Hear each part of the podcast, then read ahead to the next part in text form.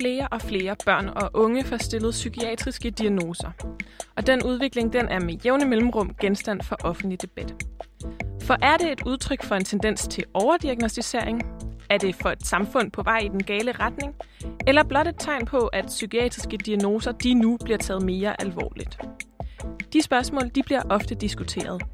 Men ved vi overhovedet, hvad vi taler om, når vi siger psykiatriske diagnoser? Hvad dækker det begreb over? Og hvordan skal vi forstå diagnosernes betydning for både den, der får stillet den, for samfundet og for lægerne? Kan en såkaldt knækket psyke sidestilles med det at have brækket en arm? Vi har en fornemmelse af, at vi måske ikke får den bedste behandling, men vi kan ikke få den bedre, for der er ingen læger, der gider at komme ned. Da Vinci har fire arme, jeg har kun to arme, så det er også en stor hjælp for os. Derfor har vi også krav på at få nøjagtigt den samme lægefaglige øh, ekspertise stillet til rådighed, som man har andre steder i landet. Det medicinske cannabis, som det er noget, man, man kunne blive skæv af, øh, afhængighed og sådan noget. Jeg oplever nogle hospitaler, der er under meget, meget stort pres, og lige klart.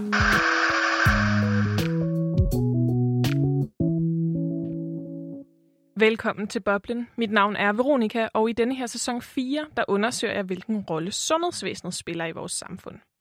Og et emne, som jeg oplever har fyldt meget de seneste år, når det kommer til sundhedsvæsenet, det er spørgsmålet om psykiatriske diagnoser.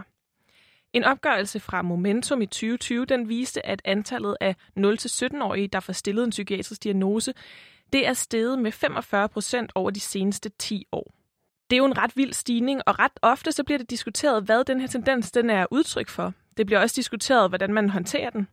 For eksempel så har Psykiatrifonden kæmpet for, at det at have en såkaldt knækket psyke, det skulle ligestilles med det at have brækket benet, når det kommer til adgangen til behandling. Men i det her program, der vil jeg gerne prøve at gå lidt bag om de her diskussioner. Fordi hvad taler vi egentlig om, når vi taler om psykiatriske diagnoser? Hvordan skal vi forstå den betegnelse? Hvad er dens rolle både inden for sundhedsvæsenet og for dem, der får stillet en diagnose, men også generelt i samfundet? Og hvordan skal man forstå det her forhold mellem en psykiatrisk diagnose og så en mere synlig fysisk sygdom, altså for eksempel et brækket ben? Er vores idé om, hvad en diagnose er, ved at ændre sig i takt med, at der både er flere, der får diagnoser, og at forskningen på området den også rykker sig? Og hvilke forskellige betydninger af diagnosebegrebet kommer frem, hvis vi ser på det fra forskellige faglige vinkler, hvis vi spørger forskellige forskere? I dag der vil jeg prøve at undersøge de spørgsmål ved at tale med to forskellige forskere, der fra to rimelig forskellige fagligheder. Begge to beskæftiger sig med psykiatriske diagnoser. Og den første, det er Thomas Værge. Han er professor og forskningschef på Forskningsinstitut for Biologisk Psykiatri, som ligger på Psykiatrisk Center Sankt Hans. Og det, som jeg synes er spændende ved at tale med Thomas, det var, at han egentlig har en baggrund som biokemiker og molekylærbiolog. Og det er altså den vinkel, som han har taget med ind i psykiatrien. Og jeg var nysgerrig på, hvad han mener, at den vinkel, den her sådan biologiske vinkel, den kan bidrage med til forskningen, og hvordan han ser på diagnosebegrebet. Derfor så startede jeg med at bede ham forklare, hvad han overhovedet forstår ved selve begrebet psykiatriske diagnoser. Jeg tror, det kan siges meget, meget simpelt. Diagnoser er et, øh, et, øh, en måde, som fagfolk kommunikerer med hinanden på, for at være præcise. Så, og det vil sige, de er, altså, øh, så, så diagnoser er en del af det sprog. Der findes en masse andre sprog, altså der findes en, anden, en masse andre øh, fagtermer i, øh, i psykiatri. Mange af dem er jo selvfølgelig delt med, med andre medicinske specialer i, øh, i sundhedsvæsenet eller i, inden for sygdomsverdenen, øh, hvor man også bruger fuldstændig de samme ord. Alt sammen handler jo bare om at være præcis i sin kommunikation. Øh, så det, det, er, det er det, diagnoser, det er den praktiske anvendelse, diagnoser har. Okay, så det var altså den praktiske betydning af begrebet. Men Thomas pegede også på, at fordi psykiatrien den har været særligt stigmatiseret i forhold til andre dele af lægevidenskaben, så ligger der også noget mere i begrebet. Lige nok i psykiatri har der været ekstremt meget stigmatisering, ekstremt meget ballade. Øh, psykiatri er jo kompliceret derved, at alle er verdensmester i det. Alle har en mening om psykiatri. Mens hvis man går op til en hjertelæge, og man får at vide, at du har flimmer, eller du har overforkastning, eller et eller andet, så det er ikke noget, man har en mening om. Man giver sig ikke til at diskutere med, ja, nej, jeg tror altså ikke, det er noget andet, og måske er det. Men i psykiatri er det sådan, at det diskuterer man. Det, Alle har en mening om det. Og langt de færreste har en kvalificeret mening om det. Kan man godt sige, når man, når man sådan ser det indenfor. Ikke? Så Thomas peger på, at psykiatrien er et mere omdiskuteret felt inden for medicinen end mange andre felter. Og så fortalte han noget, som måske også kan forklare, hvorfor psykiatrien er noget, som så mange har en holdning til. Så, så det, det gør sig for, så har det jo en historie, som går endnu længere tilbage, hvor man ikke behandlede øh, folk med psykisk sygdom særlig pænt. Ikke fordi, at, at behandlingen i dag er ideel bestemt, men altså øh, eller finansieringen til det er ideel, øh, men det er den jo ikke, det er den jo ikke til nogen, i, i, i nogle områder desværre. Men altså, hvis du koger det helt ned, så er psykisk sygdom noget, der berører det at være menneske. Og det er der jo også noget inden for neurologi, som gør. Øh, tag øh, demens, når ældre mennesker øh, bliver demente. Så er vi jo godt klar over, at det berører noget essentielt ved det at være menneske. Nemlig, at man er, man er orienteret i tid og sted. Øh, man ved, hvad tingene handler om. Man har en historie, som man kan fortælle, som man også mange gange definerer sig ud, selv ud fra. Etc. Øh, så, så, der er jo, så, så når det har noget med hjernen at gøre, så bliver det en lille smule anderledes, end hvis man brækker armen. Øh, og en af de ting, som, og det er jo nok fordi, at hjernen har noget at gøre, så hvad skal man sige, hjernen er ligesom det organ, der, der, der, der vil definere os som mennesker, i hvert fald vores interaktioner som mennesker, og hvordan vi opfatter os selv. Ikke? Øh, så så, så jeg, jeg, jeg, jeg tænker over psykisk sygdom eller psykiatri som noget, som har noget, der berøres, altså essensen af at være menneske. Det her, det synes jeg er ret interessant. Thomas pointe om, at psykiatri, det berører selve det at være menneske. Han kommer også med en lidt provokerende spidsformulering af, hvad det er, psykiatrien udfordrer ved vores forståelse af det at være menneske. Og en af de ting, som, hvis jeg nu skal sige det provokerende, så det psykiatri gør, det er, at det udfordrer denne her illusion. Igen sagt lidt provokerende. Det udfordrer den her illusion om en fri vilje. Vi lever jo alle sammen, eller langt de fleste mennesker lever i den øh, forestilling, at vi har en fri vilje. Jeg bestemmer selv, hvornår jeg står op om morgenen. Jeg bestemmer lige nu sidder jeg og taler med dig, og det, der kommer ud af min mund, er noget, som jeg bestemmer, hvad skal være. Og jeg kunne bestemme, at det skulle være noget andet. Jeg kunne begynde at snakke om røde balloner på en tur eller et eller andet stil. Men, så jeg har en fri vilje, jeg, jeg sidder og taler med dig om det her. Så lige pludselig, så er den fri vilje, den synes at blive berørt øh, på forskellige vis øh, i forbindelse med psykisk sygdom. Og det vil sige, der ligger jo rigtig meget, hvor vi normalt siger, hov, det er jo din skyld. Nu opfører du dig på den måde. Du overtræder faktisk en lov nogle gange. Derfor så kommer samfundet øh, med en eller anden sanktion. En bøde, en fængsel, en advarsel, det kan være alt muligt. Fordi du kører lidt for hurtigt, du parkerer, hvor du ikke må parkere, øh, du kommer op og slås, hvad det nu måtte være. Øh, og vi kender det lidt, så er der nogen, hvis de, nogen drikker sig fulde, eller andre tager stoffer, og så kunne de pludselig opføre sig anderledes. Og så kan man godt sige, åh, oh, der har vi altså noget eksternt, der kommer og fjerner den fri vilje. Men når man så bliver ædru, eller kommer så og et godt gænge igen, så, så har man sin fri vilje tilbage. Og så er man ansvarlig øh, for, hvad man gør. Men spørgsmålet er, hvor meget den der fri vilje er helt fri, eller hvor meget den egentlig ikke er determineret, hvilket ord jeg sidder og siger nu, men at jeg sidder her, og at jeg taler med dig. Og, øh, er det et tilfælde? Eller, eller at, hvornår? Og det, det bliver enorm, en enorm kompliceret diskussion. Men det er lige præcis den her relation, vi to har nu, hvor vi sidder og taler sammen, som vil være, øh, som, som kan man sige, en fri vilje, vi sidder begge to og taler sammen og, og er enige om det. Øh, og hvis, hvis jeg så pludselig træder ud af den her rolle og opfører mig meget anderledes, så siger jeg, han er da så ikke særlig rar, ham kan jeg jo ikke stole på, og hvad er det for noget slud, han sidder og siger. Og, så, så, og, og det er jo det, du oplever nogle gange ved, ved, ved, ved psykiske problemstillinger. Helt selvfølgelig hos, øh, i forbindelse med psykotisk sygdom, når folk bliver psykotiske, de har vrangforestillinger eller hallucinationer, eller opfinder nye ord, som giver mening i deres verden, etc. Pludselig så finder man ud af, at der er nogle mennesker, eller et menneske, som på et givet tidspunkt synes, at vi er jo ikke samme sted mere. Og det er det, der er meget anderledes fra, at du kommer og siger, at jeg har et eller andet problem med hjertet, eller øh, jeg spillede fodbold, og nu har jeg brækket benet, eller, eller hvad, det, hvad det nu måtte være, af det, man kalder somatiske, lemlige sygdomme. Og det er det, der fører til stigmatisering, fordi at vi, vi siger, at hvis vi har en fri vilje, så er du også ansvarlig for det, du gør. Så for Thomas at se, så er det altså vores idé om den fri vilje og det ansvar, der følger med den fri vilje, som støder sammen med psykiske sygdomme og som skaber stigmatisering. Og det kan man ifølge ham også se i de historiske opfattelser af psykiske lidelser. Hvis du kigger historisk på det, så er det jo alt muligt. Så er der alt muligt. Du har været besat af en djævel, alle mulige religiøse betragtninger som er kommet ind over. Øh, også nogle gange positive med, med folk, som har særlige øh, indsigter, særlige kræfter og forbundet med aliens i universet. Og... Okay, så Thomas har altså en klar opfattelse af, at der også er nogle grundværdier og forestillinger, som præger den måde, som vi forstår psykiatrien på i samfundet. Men Thomas han er jo egentlig uddannet biokemiker og molekylærbiolog.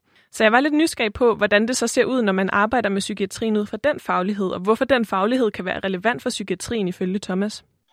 Jeg tror, de fleste har en idé om, at, øh, at hvis psykisk sygdom har noget et eller andet med hjernen at gøre, så kan vi tale om årsagerne til det. Det, det, det er sådan en sekundær diskussion. Hvis vi taler om det i hjernen, så må vi så, så sige, så er mit meget simple rationale, det er, at hjernen er jo et organ, ligesom vores øjne eller lunger, eller hvad du nu måtte have, at det er vores store skelet. Øhm, øh, og så, så det er jo en biologisk ting. Og, og vi, vi ved, at øh, hvis der sker en eller anden ting med hjernen, så er der meget af vores virkelighed, der ændrer sig. Det kan du gøre, hvis du får en hjerneblødning eller en blodprop i hjernen, eller hvis du får nogle af de, det man kalder degenererende sygdomme, hvor der er langsomt noget, der, der går i stykker i hjernen med Parkinson eller Alzheimer eller, eller lignende. Øh, så ved vi, så har det konsekvenser. Så, så der er sådan set ikke noget underligt i, at, at det, som vi alle sammen er enige om, det er jo nok, at vores hjerne er vigtigt for dem, vi er, og hvordan vi optræder, og hvad vi gør, og sådan noget. Øh, altså når der så sker et eller andet med vores hjerne, så er det betydning for, hvordan vi er. Så det, det er et meget, meget simpelt argument. Altså det, det er helt naturligt at kigge i hjernen, når man, øh, når man møder øh, mennesker, som er øh, ekstremt forpinte og ødelagte, øh, og, og som jo, fordi det er det, mennesker med, med langt, langt de fleste mennesker med psykisk sygdom jo gør, det er, at de søger hjælp. Ja, det, det glemmer man nogle gange. I noget, i no, nogle gange er der lidt for ophedet debat om psykiatri, hvor man har ideen om, at psykiater det er sådan nogle mennesker, som ligger på lur om natten og fanger folk ude på vejen og slæber dem ind på hospitalerne og, og gør alle mulige grimme ting ved dem. Og nu karikerer jeg det selvfølgelig og laver det lidt sjovt, men, men, øh, men det, det ligger i nogle debatter. Ikke? Man skal huske på, at det her det er mennesker, der er mange af dem vanvittigt syge og forpinte, og som søger hjælp. Øh, og, og som udgangspunkt, som startsted, er det jo naturligt at tænke, her er der et eller andet, som berører hjernen. Man, man kan jo fremkalde nogle af psykiatriske symptomer med, med misbrugsstress og med stoffer, med narkotika. Og det vil sige, det er jo helt naturligt at sige, at man, som man har gjort i mange år, det, der hvor man er i dag, er det ikke det, der er den mest sandsynlige idé til, til årsager til psykisk sygdom, men man kan jo fremprovokere mange af de symptomer, der er ved psykisk sygdom, ved at give misbrugsstoffer, som virker i hjernen. Så derfor så ender vi i hjernen, når jeg virker. Ikke? Og det er, når, vi, det er, når du taler rent mekanistisk, rent på at sige, hvad er årsagerne til det her? Hvad kunne man eventuelt rent biologisk forestille sig, man kan gøre? Enten for at forhindre sådan noget i at opstå, eller hvis det opstår, hvad kan man så gøre for at hjælpe rent, skal vi kalde det biologisk. Okay, så det er den ene del af historien, sagde Thomas. Men der er også en anden side. Den anden del af historien, det er jo at sige, at det her er ikke lige så nemt som at få noget, der sænker dit blodtryk eller gift som benet. Så det vil sige, der skal også noget andet, der skal også noget andet til. Fordi netop fordi, at det her jo berører det at være menneske, så er der måske endnu mere brug for, at man gør noget, som ikke kun er biologisk, men man også passer på de her mennesker. Så hvordan kan, hvordan kan vi blive gode til at passe på hinanden, og særligt gode til at passe på dem af os, som har psykiske udfordringer? Fordi psykiske udfordringer ikke bare går væk som et fingerknips. Så biologien har sin plads, men det får jo ikke psykisk sygdom til at forsvinde som du for solen. Så der skal også være det, at man kan rumme mennesker, som er anderledes end en selv. Også rumme mennesker, som kan være meget, meget udfordrende, fordi de er meget, meget forpinte. Øh, og, og i nogle situationer, så er det meget, meget nemt at se, at mennesker er forpinte. Øh, folk er svært psykotiske og går ud på motorvejen og er helt desorienterede. Eller, eller øh, nogen bliver jo simpelthen så desperate, at de vil tage livet af sig selv. Og sådan så, så det er helt tydeligt, at folk er, øh, har en psykisk problemstilling. Mens andre bliver jo stadigvæk, når man ser dem på afstand, så bliver de bedømt til at være aggressive, sure, øh, ved op og slås og sådan noget. Mange, mange har jo en ubehandlet psykisk sygdom. Så det er ligesom de to forskellige komponenter, der, der ligger. Det er, at den ene selvfølgelig forsøger at forhindre det, behandle så godt man kan øh, efterfølgende, men jo så også at kunne rumme og lindre og hjælpe på ikke-biologiske måder. Så på trods af Thomas' baggrund i biologien, så ser han det altså ikke som den eneste måde, man skal forholde sig til psykisk sygdom på, men mere som et forhold, der spiller sammen med omsorg og et inkluderende samfund. Men jeg var lidt nysgerrig på at forstå, hvordan man mere konkret undersøger psykisk sygdom med de biologiske briller på. Så jeg bad Thomas forklare mig, hvordan de arbejder med det, og han startede med lige at give et overblik over, hvordan man historisk har forholdt sig til det. Altså, hvis du går tilbage til 60'erne og 70'erne for eksempel, så var psykisk sygdom jo rigtig meget psykisk sygdom, var et resultat af den onde mor. Altså øh, uhensigtsmæssige opvækstbetingelser. Og det er bestemt ikke sådan, at opvækstbetingelser ikke har nogen betydning. Det har en kæmpe betydning. Selvfølgelig har det det. Men øh, det, som også var klart, det blev faktisk klart gennem studier i Danmark. Det var, hvis nu tager de skizofreni, som er en, en meget alvorlig sygdom, øh, og, øh, og som netop, kan man sige, måske virkelig, fordi den er ofte er en psykotisk, meget psykotisk sygdom, øh, hvis man fanger essensen af noget, noget af essensen af, af psykisk sygdom. Ikke? Altså, det bliver, man, man kan blive øh, psykotisk på mange forskellige måder, hallucinerede vrangforestillinger. Men der kan være rigtig mange forskellige elementer, man kan, man kan opleve. Man kan føle, at man, man taber sin pårørende øh, eller sin ven øh, fuldstændig, som forsvinder ind i en anden verden. Og, og så er der andre, som, som klarer, det, klarer det meget, meget bedre. Men, men det korte lange, det er, at for de her øh, del årtier siden der, der var ideen jo, at det her, det var en sygdom, altså du kan faktisk næsten sige, hvis vi skal lave det, lige trække det groft op, at psykisk sygdom, det var sådan en sund reaktion på et sygt samfund. Det var ligesom øh, øh, tanken, ideen i det. Okay, så man så det altså i høj grad som noget, der hang sammen med samfundet og opvæksten. Men Thomas skulle så fortælle, at samtidig så havde man allerede længe før 60'erne observeret, at psykisk sygdom det kunne løbe i familier, som man kaldte det. Og det, der så blev klart, og som egentlig har været klart helt tilbage fra ja, godt 100 år cirka, det var, at det sjove var, at psykisk sygdom løber i familier. Øh, det skal man selvfølgelig passe på med, fordi psykisk sygdom løber i familier, men der er meget, der løber i familier. Ikke? Det gør navne og sølvtøj og øh, vaner og sprog. Og det er jo ikke, fordi det er genetisk. Altså sproget er jo genetisk, og det er jo et spørgsmål, hvor man vokser op. Så, så, så man skal passe på med det der med, at noget løber i familier. Men der var sådan en idé om, at det her, det var alligevel mere end sådan, øh, det, det var ikke karaktersprog, men altså, man kunne da kigge på tvillinger. De var, hvis den ene var, var påvirket, så var den anden også.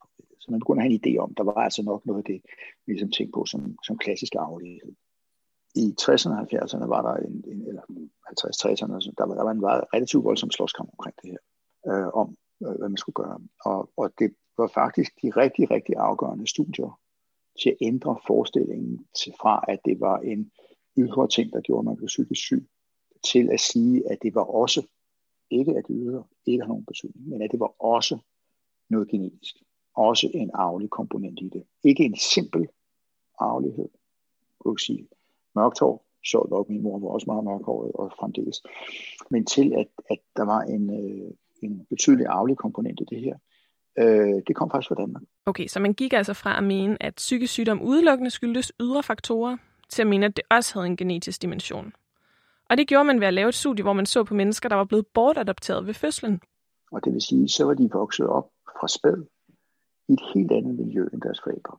Og så stiller man det spørgsmål for dem, som blev påvirket af det. Lignede de mest deres adoptivforældre eller deres biologiske forældre? Og de lignede så lige præcis på inden for det her område, der lignede så mest deres biologiske forældre, som i mange tilfælde de aldrig havde set. Og så kunne man sige, ah okay, så er det, så er det nok ikke ligesom sølvtøj og sprog øh, og gæld og hvad det nu ellers måtte være, skam også, altså øh, adfærdsmæssige ting, så var det nok, så var der nok en eller anden biologisk komponent, og i det her tilfælde en genetisk komponent, som lå til grund for det her. Og det, og det, det, det gav det. Det lykkedes ikke helt op i, da jeg kom ind i psykiatrien i år 2000. Øh, der var, der var helt for, der, der troede man stadigvæk på, at det var sådan en meget simpel genetik. Og der hvor, vi, der, hvor det hele er endt, her efter nu kan du sige, 20 år med vejen, der er det endt med, at psykisk sygdom og genetikken for psykisk sygdom, vi har en meget, meget god idé om, hvor meget genetikken fylder. For skizofreni er det 80 procent, cirka. For ADHD er det 80 procent. For autisme er det lidt højere. For depression er det lavere, måske 50 procent. For angst er det lavere endnu. Så vi begynder at have en idé om, hvor meget fylder arveligheden. Og det, der er det rigtige, nu ved jeg ikke, om jeg skal sige spændende i det her sammenhæng, men det er spændende historisk set, det er, at genetikken er ikke en simpel genetik, som siger, at du har en mutation. Nu er der blevet meget tale om cancer, kræftmutationer. Man kan arve brystkræft og tarmkræft og sådan noget. En mutation, som går i arv. Det er ikke en mutation, der går i arv. Det, der overvejende påvirker vores risiko for psykisk sygdom, er en form for genetik, som ligner den, der har med vores højde at gøre. Okay, så der er stadig ikke én simpel forklaring, én simpel ting i genetikken, man kan pege på. Men nu ved jeg ikke helt selv, hvordan højde det ser ud genetisk, så lad os lige høre Thomas forklare det lidt nærmere. Og det, der kendetegner vores højde, det er, at det er tusinder og tusinder og tusinder af helt almindelige forskelligheder i vores arvemasse, som til sammen er med til at bestemme vores højde. Og så skal man så lige huske, at hvis man får rigtig dårlig mad og sover rigtig dårligt og øh, har dårlige opvækstbetingelser, så bliver man ikke særlig høj, uanset hvad ens genetik siger. Så det, miljøet betyder helt bestemt rigtig, rigtig meget. Men hvis man kigger på afligheden for højde, så er det, der gør højdeforskel i en dansk befolkning, hvor vi alle sammen mere eller mindre spiser og lever på, på samme måde. Det, der gør forskel i højde, er ikke en mutation, men tusinder af forskelligheder i vores arvemasse. Og det er præcis den samme genetik, som også kendetegner arveligheden for psykisk sygdom. Tusinder og tusinder af varianter. Og du og jeg har masser af varianter, som disponerer for psykisk sygdom. Masser af varianter. Hundrede og tusinder af varianter har vi, som disponerer mere eller mindre. Så kernemeddelelsen det her, det er faktisk, at arveligheden ved psykisk sygdom er lige så simpel eller lige så kompleks, men er helt samme karakter, det er det vigtige, som arveligheden for højde. Så det er ligesom menneskeligt som højde. Så der ligger altså nogle genetiske komponenter i vores allesammens genetik. Og Thomas, han foregreb så det spørgsmål, som måske for nogen vil trænge sig på. Men betyder det, at man vil kunne udvikle en måde simpelthen at fjerne de her komponenter på? Og på den måde komme psykisk sygdom til livs? Kunne man forestille sig, at man kunne lave et eller andet smart, så alt afligheden for en psykisk sygdom, den forsvandt. Og der kan jeg sige, så kommer vi ind på noget, som er meget, meget spændende. Det er, at når vi kigger på mennesker, som har meget genetik for en psykisk sygdom, men ikke har sygdom, for det kan man sagtens ikke have. Men de har bare en eller anden grund meget. Der er noget andet, de mangler i at få sygdommen, kan man sige. Men de har meget genetik, i hvert fald af den genetik, vi kender, for psykisk sygdom. Er der sådan noget, der karakteriserer dem? Ja, det er der. Hvis du kigger på en person, som har meget øh, at det, man kalder disponeret for, for autisme. Lad os nu sige, at du var meget disponeret for autisme, eller jeg var øh, meget disponeret for autisme. Og så både du og jeg er jo over en alder, hvor vi ikke får autisme. Fordi den, den, den bliver man stort set født med jo, eller ses meget, meget tidligt i livet. Så kan man sige, hvad kendetegner så mennesker som dig og mig, som har en høj risiko, eller vores, altså en meget høj genetisk disposition for autisme? Jamen, der kendetegner noget med, at vi har en høj uddannelse. Øh, vi er meget øh, analytisk øh, stærke. Men vi har et, øh, vi har mere end, mindre end gennemsnittet. Vi, vi, øh, vi er ikke helt så glade i vores liv. Vores livskvalitet er ikke helt så god. Og der er sådan en masse ting, som følger med det at have, vores, øh, det at have en høj risiko. Men vi har høj uddannelse. Øh, men der er nogle andre ting, som ikke er så gode. Så kan du stille det samme spørgsmål med skizofreni, svær psykotisk sygdom. Hvad kendetegner mennesker, som har en høj risiko for skizofreni, men som ikke har skizofreni? Men de her kreative jobs, det, øh, der er en masse andre ting. Nu tager vi bare kreative jobs. Hvad vil der så gøre, hvis det var, at vi prøvede at forestille os, at vi fjernede al genetikken fra autisme, eller al genetikken fra, fra skizofreni? Men så vil du fjerne intelligens fra mennesker og du vil fjerne det kreative fra mennesker. Det, som er kommet ud af genetikken, er i virkeligheden, at genetikken er så menneskelig, som noget overhovedet kan være. Det er så intimt knyttet til det at være menneske. Til vores intelligens, til vores kreativitet, til vores lyst til at gøre ting. Til at være meget fortalsom, til at være meget hurtig. Så, så, så det, der er kommet frem ud af de her 20 år, er en, og som er af genetisk forståelse, det er, hvor menneskeligt psykisk sygdom er. Samtidig med, at Thomas altså også peger på, at man skal se på opvækstbetingelser og andre samfundsmæssige såkaldt ydre faktorer, Så spurgte jeg også Thomas, hvad han håber, at der kan komme ud af den her forskning på sigt. Og det er måske i virkeligheden nogle, en af mine, mine hovedpointer ved genetikken i dag. Nu spurgte du til, hvad kan genetikken bruges til. Jeg tror lige nu er en af, af de, de mest væsentlige konklusioner for genetikken, det er, at den fortæller os, at psykisk sygdom er menneskelig. Den er intimt menneskelig, fordi den i virkeligheden knytter sig til det, som, som kendetegner det, vi selv betegner som vores egen menneskelighed. Så nu er jeg tilbage til, hvor jeg startede.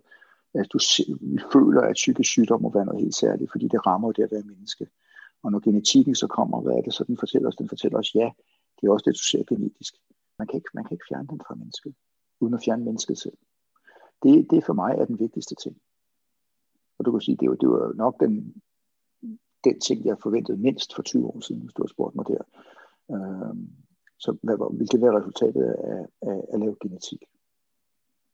Og så skal det så berettiget sige, selvfølgelig har vi lavet genetik, som er på vej helt andre veje hen, som ikke har noget med historiefortælling, som ikke har den her humanistiske, humanistiske komponent og omfavnende komponent, vil jeg sige, men som, som handler om at sige, jamen, kan vi så også fortælle, hvad er det for nogle typisk processer i hjernen, som øh, pludselig bliver dysreguleret, hvor det pludselig går galt hos nogle mennesker, fordi at man bliver for meget.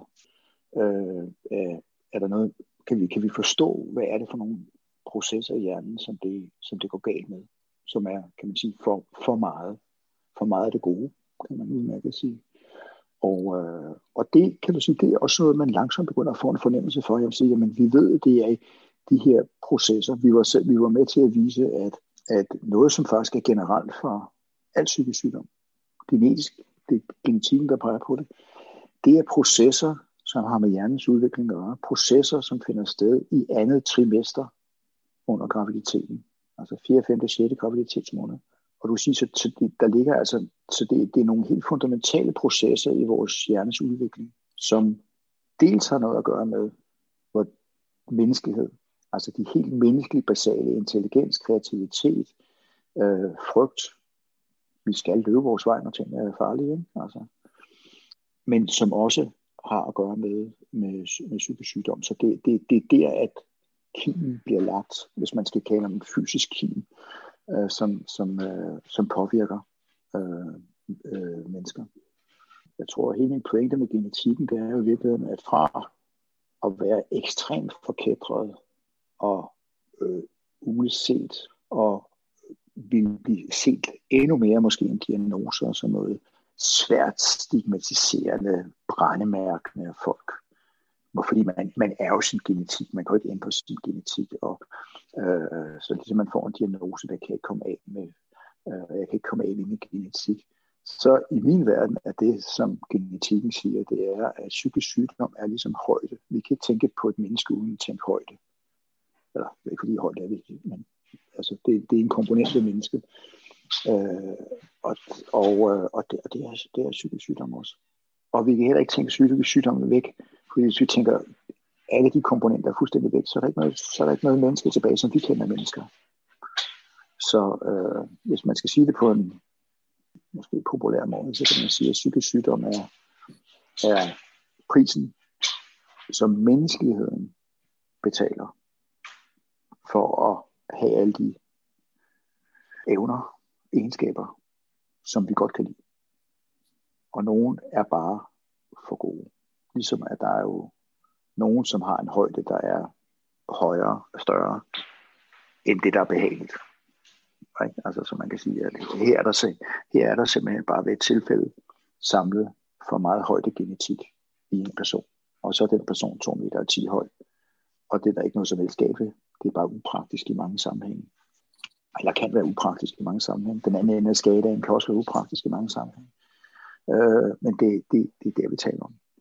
Thomas han fortalte også, at netop den her forskning, hvor man tager udgangspunkt i genetikken, den også er i gang med henblik på at udvikle nye former for behandlinger, hvor man altså forsøger at tage udgangspunkt i de genetiske processer. Men det, vi bruger det til, det er at prøve at sige, jamen hvis du bliver syg, hvordan vil du så reagere på behandling? Og det er lidt ligesom man gør noget kræftbehandling. Man siger, jamen ved du hvad, du har en form for kræft, som reagerer rigtig, rigtig godt på behandling. Så derfor går vi i gang med den her behandling herovre. Det behøver ikke være særlig grov. Og så er der nogle andre mennesker, der siger, at du har desværre en form for kræft, som er, meget resistent over for behandling. Så derfor så spilder vi ikke tiden. Vi bruger den store kanon med det samme. Fordi hvis man spilder tiden, er det dumt. Så bliver det bare værre. Og det er det, der mange taler om som personlig eller præcisionsmedicin. At man forsøger at gøre det mere præcist på et tidligere tidspunkt. Og det samme kan du også sige inden for psykiatri. Jamen, hvis det er sådan, at det her er en person, som har et relativt vildt forløb, så er der måske slet ingen grund til at starte behandling, altså medicinsk behandling. Omvendt kan man sige, hvis det er en person, hvor man siger, det her ser ud som om, at det her kunne godt være et, et, et øh, hvor genetikken siger, at det her peger på et hårdt forløb. Så er det måske bedre, at vi bruger noget mere, øh, nu siger jeg voldsomt, men en stærkere form for medicin med det samme. Så faktisk begynder man altså at nærme sig og forholde sig til psykisk sygdom på en måde, der minder mere om andre former for sygdomme. Og Thomas han sammenlignede det med forløbet om en brækket arm. Vi vil helst ikke have, at det der sker, det er, at du kommer hen til lægen med en brækket arm, eller du har slået din arm, du ved ikke, hvad der er galt. Og så starter man med at lægge en lille forbinding på, så efter en uge, så finder man ud af, nah, det var ikke helt godt, du skal nok have en skinne på. Og så går der en uge mere og siger, nej, det var heller ikke nok, du skal nok have, du skal, der skal nok gips som hele armen. Og så, nej, det var så heller ikke helt, skal nok hellere sætte nogle skruer i. Du kan nok se på det tidspunkt, så, så, så tror du ikke så meget på, på det, der hedder ortopædkirurg mere. Vel? Altså, de kan ikke helt deres job godt nok. Vel? Det skulle de helst finde ud af i starten. Skal der skruer i? Skal der helt gips på? Skal der en skinne på? Hvad skal der ske? Men i psykiatri, fordi man jo ikke bare kan tage et røntgenbillede, så bliver man nødt til at prøve sig frem. Og så prøver man mange gange med det mindste først. Fordi man er godt klar over det, hvis man først begynder at sætte skruer i, så det, hvis man sætter skruer i, og der slet ikke er noget så, så så du heller ikke at få sat skruer i. Så det vil man helst undgå. Men, men vi vil jo gerne sørge for at sige, at hvis, det her, hvis der er 90% chance for, at det her bliver et meget hårdt forløb, så er der jo ingen grund til, at du går og har det af helvede til tre måneder, mens vi prøver os frem og finder ud af, at øh, vi, øh, forbindingen ikke rigtig virkede, og det gjorde gipsen heller ikke til. Og det er det, der hedder præcisionsmedicin. Det er det, der bliver arbejdet meget kraftigt på, det er at finde ud af, hvordan kommer det til at gå. Fordi hvor hårdt skal man sætte ind fra starten af, for at ramme rigtigere og hurtigere og hjælpe bedre og hurtigere. En anden ting, det er at sige, at hvis du nu starter med at have nogle psykiske udfordringer på et tidspunkt i dit liv, det kunne meget vel være blandt unge mennesker. Og så kan man sige, jamen øh, nu er det de her psykiske problemer, vi ser. Men vi ved, at psykisk sygdom er i familie med hinanden. Det vil sige, at hvis du har én psykisk sygdom, så er din risiko for at få nummer to eller nummer tre psykisk sygdom, den er højere end personen ved siden af dig, som ikke har nogen psykisk sygdom. Det er ikke fordi, den er ikke 100 procent, det siger sig selv, men altså, den er bare højere. Der er også nogle gange, hvor man siger, at oh, der er en person her, der har psykiske symptomer, men jeg er faktisk ikke helt klar over, hvad retning det er. Ej, vi må hellere se tiden an. Jamen for fanden, jeg er kommet hen for at få noget hjælp. Jeg kan ikke bare sende mig hjem og sige, at øh, jeg kan godt se, at du har det helvede til, men vi er lidt i tvivl. Så, altså, vi er lidt i tvivl om armen er brækket, eller om bare forstuet, eller hvad søren er galt med det. Så går du hjem og vent lidt, og så ser vi, hvad der sker. Det, det er jo ikke rart, vel? Igen der, der kunne sige, kan vi, kan vi være med til på et tidligt tidspunkt at sige, vi tror, den mest sandsynlige retning er den der. Så det er den, man skal behandle. Og det der genetikken er nu. Vi har simpelthen fået, fra at vi ikke vidste noget, og du kun kunne kigge på personen, som kom ind ad døren, tale med personen, observere personen, så kan du nu sige, eller begynder, så småt at sige, nu kan vi begynde at tage en genetisk analyse, og så kan den hjælpe. Det er ikke en krystalkugle. Men den kan begynde at hjælpe lidt og sige, der er, en, der er to tredjedel chance for, at det er den retning, og en tredjedel for, at det er den retning. Okay, jamen, øh, det er for tæt på 50-50, så, så, så, så gør jeg ikke noget. Hvis nu er 9 tiende del der, og 1 tiende del der, okay, jamen, så, lader, så går vi efter, at det er den her 9 tiende del. Og så indtil det modsatte er bevis. Så kan vi komme tidligere i gang, kan vi ramme mere præcist. Så der er altså to ting, som forskning i genetik arbejder hen imod. At man kan lave mere præcise lægemidler, der behandler årsager, og at man kan lave mere præcis behandling af den enkelte patient. Simpelthen gøre lidt ligesom med et brækket ben, hvor man starter med at tage et røntgenbillede, og så vurdere, hvilken behandling der er bedst sandsynlighed for vil virke. Og så pegede Thomas også på, at hele den her indsats, den for ham er tæt forbundet med, at psykiatriske diagnoser skal afstigmatiseres. Og det synes jeg er ret interessant. For det er jo bestemt ikke alt ved psykiatriske diagnoser, der er bare biologi. Det har også i meget høj grad noget at gøre med, hvordan vi ser på hinanden og os selv i samfundet, og hvilke idéer og forestillinger vi har om psykiatriske diagnoser. Og derfor så bestemte jeg mig for, at jeg ville finde ud af, hvad en mere humanistisk og samfundsvidenskabelig vinkel på psykiatriske diagnoser, den kunne give til min forståelse af begrebet. Og jeg fandt frem til Mika Nielsen, som er postdoc på Saxo Instituttet på Københavns Universitet og uddannet antropolog. Og jeg startede med lige at bede hende om at introducere sig selv og det, hun har beskæftiget sig med i sin forskning. Jeg hedder Mika Nielsen, og jeg er antropolog og er postdoc på Københavns Universitet, hvor jeg sidder som en del af det, der hedder Center for Humanistisk Sundhedsforskning. Så det er sådan et center, hvor vi prøver at bidrage med nogle humanistiske perspektiver på det at leve med, med sundhed og sygdom. Og det er også det, som jeg som antropolog beskæftiger mig med bredt. Og så har jeg specifikt arbejdet både med, med ældre og depression, men, men mest med voksne med ADHD. Og, øh, og interviewet en masse voksne om, hvad det betyder for dem at få en diagnose, og i det hele taget at leve med de problematikker, som er relateret til, til ADHD. Og så spurgte jeg hende også, om ikke hun ville fortælle, hvordan man som antropolog egentlig kommer til at beskæftige sig med diagnoser, og hvorfor det kan være interessant at se på med antropologiske briller.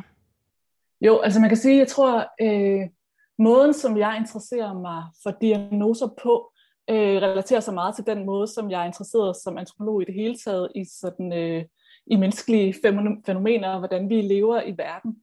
Øh, jeg har altid været interesseret i, hvordan vi oplever verden forskelligt, og hvordan vi som mennesker har forskellige forudsætninger for at leve under forskellige omstændigheder. Øhm, og hvad det har af betydning, at vi kommer nogle forskellige steder fra og lever nogle forskellige steder i en særlig historisk øh, kontekst. Og så kan man sige, at det er en klassisk antropologisk tanke at, at undersøge, hvordan vi som mennesker skaber kategorier, hvordan vi inddeler verden i, i forskellige kategorier. Øhm, og det ligesom er en del af den måde, som vi forstår verden på.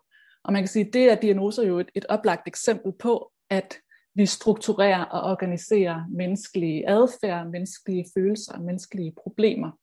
Så på den måde så er diagnoser jo en kategori. Øh, det er en måde at beskrive mennesker på. Og det er så ovenikøbet også en måde at beskrive mennesker på, som kan have ret stor betydning for de mennesker, som bliver beskrevet. Øh, og det er den dynamik mellem det at og at din diagnose er en, en beskrivelse, noget som vi tænker som et strukturerende værktøj, og så samtidig også det, at det her værktøj faktisk har nogle effekter på de mennesker, man beskriver. Øhm, det er det, som jeg har sådan overordnet interesseret mig for. Øh, så man kan sige, at jeg er både interesseret i, hvordan mennesker lever med de udfordringer, der er knyttet til at leve med, en, med, en, øh, med forskellige former for, for lidelse, øh, og så det, at der er en diagnose, som kan være et værktøj til at navigere i verden på bestemte måder. Så det, som der er antropologisk interessant, synes jeg, det er det her med, at, at vi som mennesker navigerer under forskellige omstændigheder øh, og bruger forskellige værktøjer, for eksempel en diagnose til at, at skabe gode liv, helt overordnet set faktisk. Ikke? Så hvordan er det, vi som mennesker gør gode liv? Og så kan man sige, at det er jo også meget aktuelt lige nu at se på diagnoser, fordi der er flere og flere diagnoser i diagnosemanualerne, og der er flere og flere mennesker, som lever med en diagnose. Øhm, så på den måde er det jo også øh, sådan, øh, samfundsmæssigt interessant at se, hvad det har af betydning på et overordnet samfundsmæssigt niveau, at vi strukturerer øh, indsatser ud fra diagnoser, men også hvad det har af betydning for alle de mennesker, som, som lever med diagnoser. Så blev jeg specifikt en del af et forskningsprojekt på Aalborg Universitet, som hed øh, Diagnosekultur, som var ledet af psykolog Svend Brinkmann og sociolog Anders Petersen. Og det var sådan et sværfagligt øh, forskningsprojekt, hvor vi så på specifikt øh, ADHD-diagnosen og, og depressionsdiagnosen ud fra sådan tre faktorer, hvordan har de her diagnostiske kategorier udviklet sig historisk over tid, øh, hvordan diskuterer vi de her øh, diagnoser i medierne, og så også sidst, hvad betyder det for de mennesker, der får en diagnose? Og det var måske der, mit, mit fokus øh, lå. Så på den måde, så blev jeg også øh, en del af et projekt, som specifikt arbejdede med diagnoser, øh, men som passede rigtig godt til mange af de sådan helt overordnede interesser, jeg havde for, hvordan vi som mennesker lever gode liv.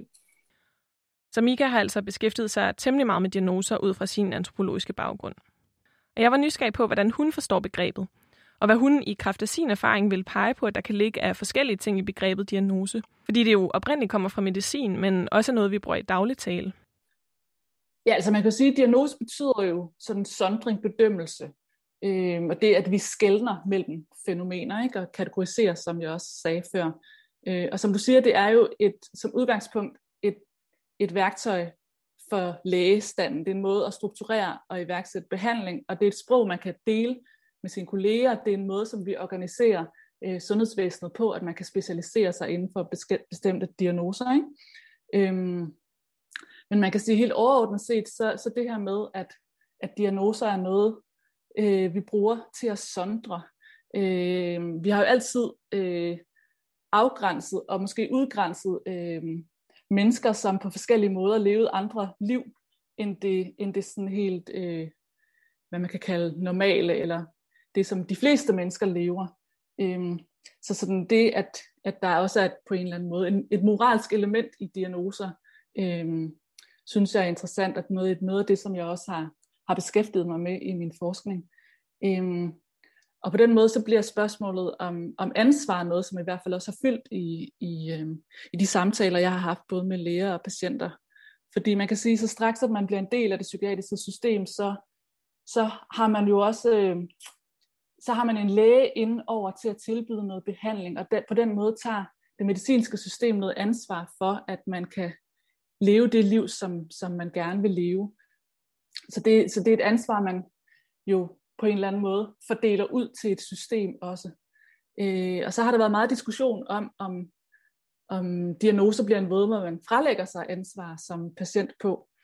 Øhm, at så kan man sige, at det, det er ikke min skyld, det er bare min diagnose, der gør, at jeg gør, som jeg gør. Ikke? Og der, der har jeg prøvet i hvert fald at nuancere det spørgsmål om ansvar, fordi at det er min oplevelse, at alle de mennesker, jeg har talt med, som lever med forskellige diagnoser, de er meget opmærksomme på, at nu hvor de netop har fået en diagnose, har de et større ansvar for at adressere de øh, problemer, som de oplever og håndtere dem. Øhm, og, og det er nogle af de ting, som jeg synes, der er vigtigt at få frem også, at, at vi bruger diagnosen øh, som en måde at håndtere nogle problemer på, og på den måde kan det også blive et værktøj, ikke kun for lægen, men også for den enkelte diagnostiserede. Der er nok meget stor forskel på, hvordan man reagerer på det at få en diagnose, alt efter hvornår i tilværelsen man får en diagnose, og selvfølgelig også, hvilken diagnose man får. Øh, nogle diagnoser er desværre mere stigmatiserende end andre. Øh, men nu hvor jeg har, har beskæftiget mig specifikt med voksne med ADHD, så er der nogle ting, som går igen, synes jeg, i, i de øh, fortællinger, som, som jeg har mødt. Og, øh, og det har egentlig været, at, at diagnosen, øh, når den bliver stillet, i første omgang skaber en form for lettelse. Øh, fordi det her er nogle mennesker, som har, har levet med nogle problemer igennem et helt liv, og har haft svært ved at forstå, hvorfor de måske har haft øh, udfordringer i skolen, eller på arbejde, eller i parforhold. Og det at få en diagnose kan være, øh, mange beskriver det som en forklaring, og i virkeligheden er det jo en beskrivelse, men, men beskrivelsen i sig selv kan, kan, kan give noget, øh, noget forståelse for problemerne på en, på en struktureret måde. Ikke?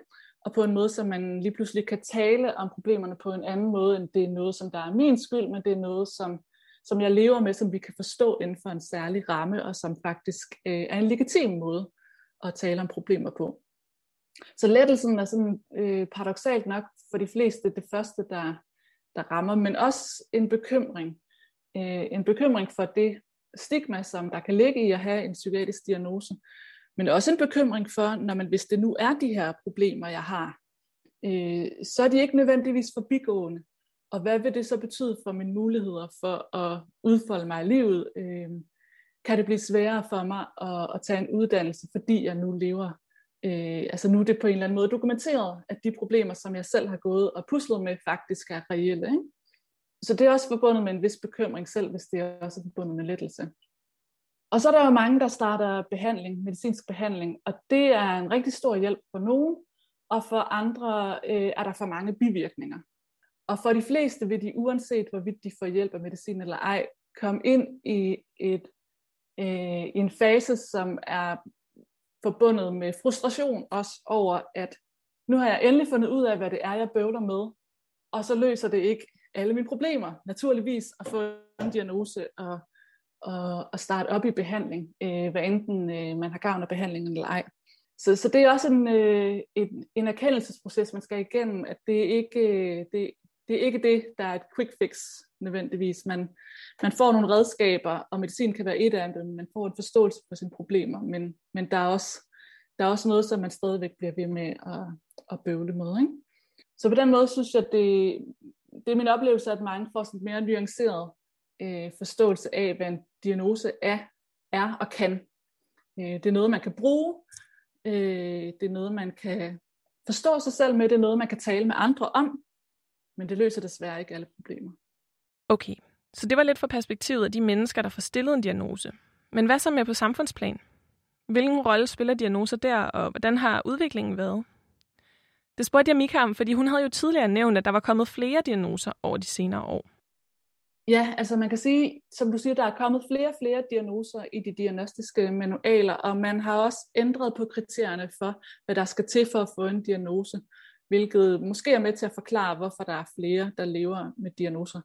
Øhm, det er jo sådan en, en, en større diskussion at sige, stille spørgsmålet, ser vi en epidemi, er der flere og flere, der reelt lider, eller er det også fordi, at vi ser en, patologi, en patologisering, at vi ser en sygeliggørelse af, af menneskelige fænomener. Og der, der kan være mange svar på det. Men, men overordnet kan man jo sige, at, at vi kan i hvert fald se, at det diagnostiske sprog og den diagnostiske logik på en eller anden måde fylder mere i den måde, som vi øh, forstår menneskelige problemer på i dag. Ikke kun inden for et medicinsk felt, men også sådan helt bredt kulturelt. Ikke? At, at vi bruger de her diagnoser til at jamen ikke kun forstå mennesker, som reelt har diagnoserne, men man kan også sige, om at det er min OCD, der gør, at jeg glemmer øh, et eller andet, eller at jeg skal gå hen og tjekke døren, eller et eller andet. Ikke? Altså vi bruger det som en del af sådan at forstå almindelig menneskelig adfærd på. Og det er jo i hvert fald noget, som, øh, som man ikke altid har gjort. Man har kunnet forstå øh, menneskelig lidelse eller menneskelig adfærd inden for mange forskellige, en religiøs ramme eller en mere eksistentiel ramme. Ikke? Og på den måde så fylder det diagnostiske sprog og den diagnostiske logik rigtig meget i de her år. Det her, som Mika kalder den diagnostiske logik, og det her med, at vi forklarer forskellige former for hverdagsopførsel med diagnoser, det kan jeg i hvert fald godt selv genkende. At man kan tale om angst eller OCD uden at være diagnostiseret med det, men mere som en form for koncept. Og så er der også sket noget andet, fortalte Mika. Nemlig, at der er flere mennesker med diagnoser, der organiserer sig. Så er der også sket det, at der er kommet nogle rigtig stærke patientforeninger og aktivistiske grupper, som øh, taler ud fra øh, forskellige diagnoser sag, ikke? Øhm, og, og søger at afstigmatisere og gøre et, et, et rigtig vigtigt arbejde for, at mennesker med, med psykiatriske diagnoser øh, skal leve med mindre stigma.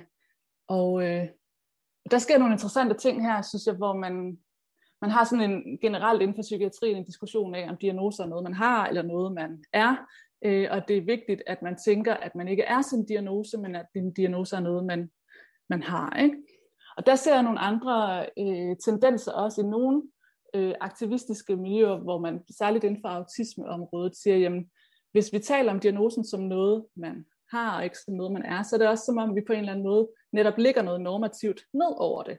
Man siger jo ikke, jeg har venstrehåndethed. Jeg er venstrehåndet. Det må vi godt sige. Det er ikke normativt, det er bare en beskrivelse. Øh, og på samme måde bør det at have en diagnose også bare være noget, som ligesom er en del af det menneske, jeg nu er. Ikke?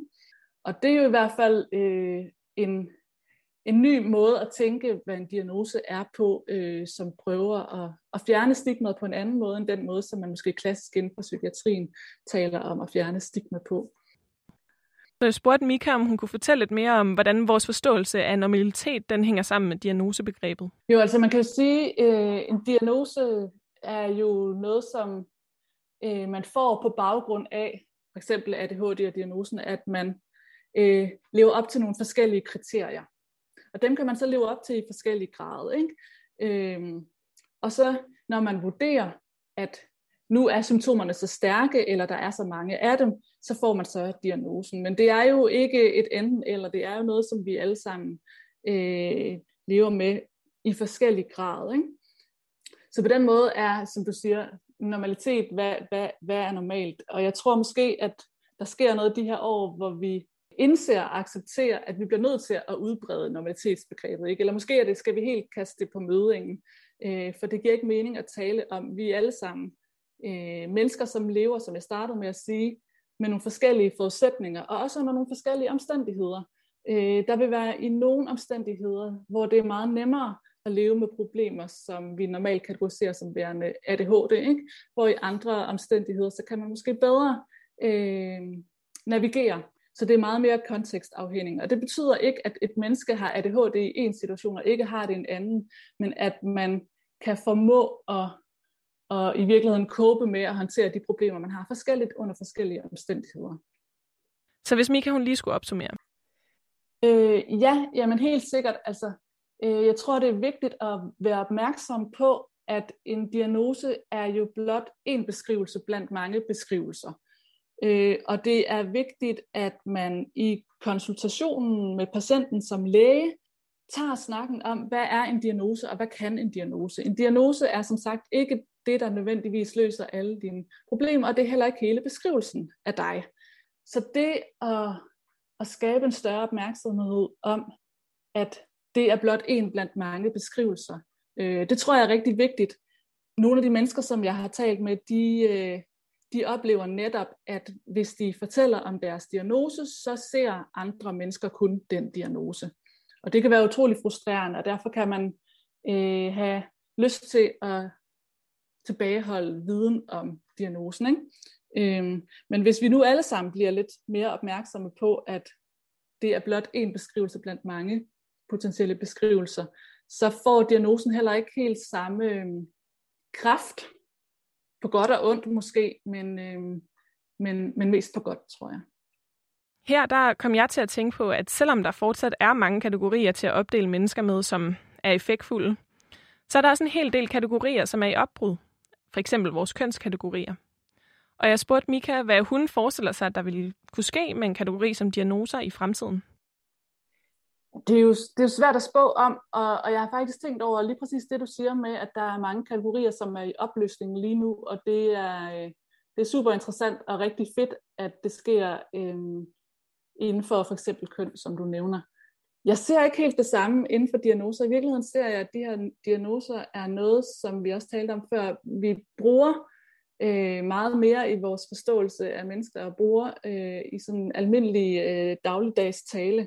Det betyder måske, at diagnoserne får som sagt en lidt anden kraft, men, men, øh, men jeg tror, at vi ser, at vi bliver ved med at bruge diagnoser som beskrivelser af mennesker øh, noget tid endnu, og at de så øh, det får en anden betydning, end det havde bare for 10, 20, 30 år siden at have en psykiatrisk diagnose. Absolut. Så ifølge Mika Nielsen er diagnosebegrebet måske ikke lige så meget i opbrud som nogle af de andre kategorier, som vi historisk har inddelt mennesker efter. Det er nok snarere ved at blive twistet og vredet og få en ny betydning og rolle i samfundet. Og på en eller anden måde, så minder det mig om det, som Thomas Werge kunne fortælle mig at man inden for genetikken var nået til en helt anden forståelse af psykiatriske diagnoser, end, end hvad han ville have gættet på for 20 år siden. Så på flere måder lader forståelsen af diagnoser til at være ved at ændre sig. Både når det kommer til, hvordan man biologisk genetisk forstår det, og hvordan vi i samfundet ser på det. Og måske er de to former for forandringer også nogen, der kan tale sammen.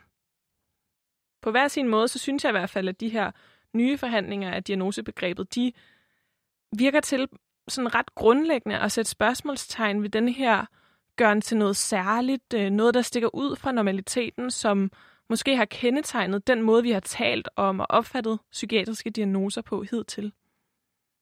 Og i stedet så bliver det forbundet med noget mere grundlæggende menneskeligt. Så et begreb som psykiatriske diagnoser, som er så omdiskuteret og med jævne mellemrum bliver taget op i den offentlige debat, det er altså ikke et konstant begreb, men snarere flydende og i udvikling. Og noget af det, som jeg har lært i denne her undersøgelse, det er, at det altså ikke kun er forskerne, men også de mennesker, som er diagnostiseret med psykiatriske diagnoser, der formår at udfordre og udvide og strække begrebets betydning i vores samfund.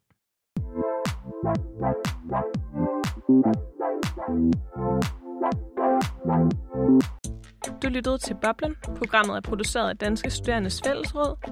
Programmets vært var Veronika Arnsbøl Schulz, og programmets redaktør var Toge Daler. Musikken den er produceret af Esben Kelsen Krav. Tak til Thomas Værge og Mika Nielsen. Tak til Sund Fornuft, Tænketanken for Sundhedspolitik, og tak til jer, der lyttede med.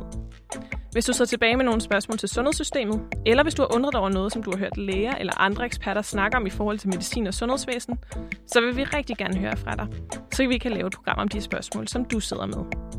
Send dine spørgsmål ind til boblen eller find Radio Loud på Facebook eller Instagram.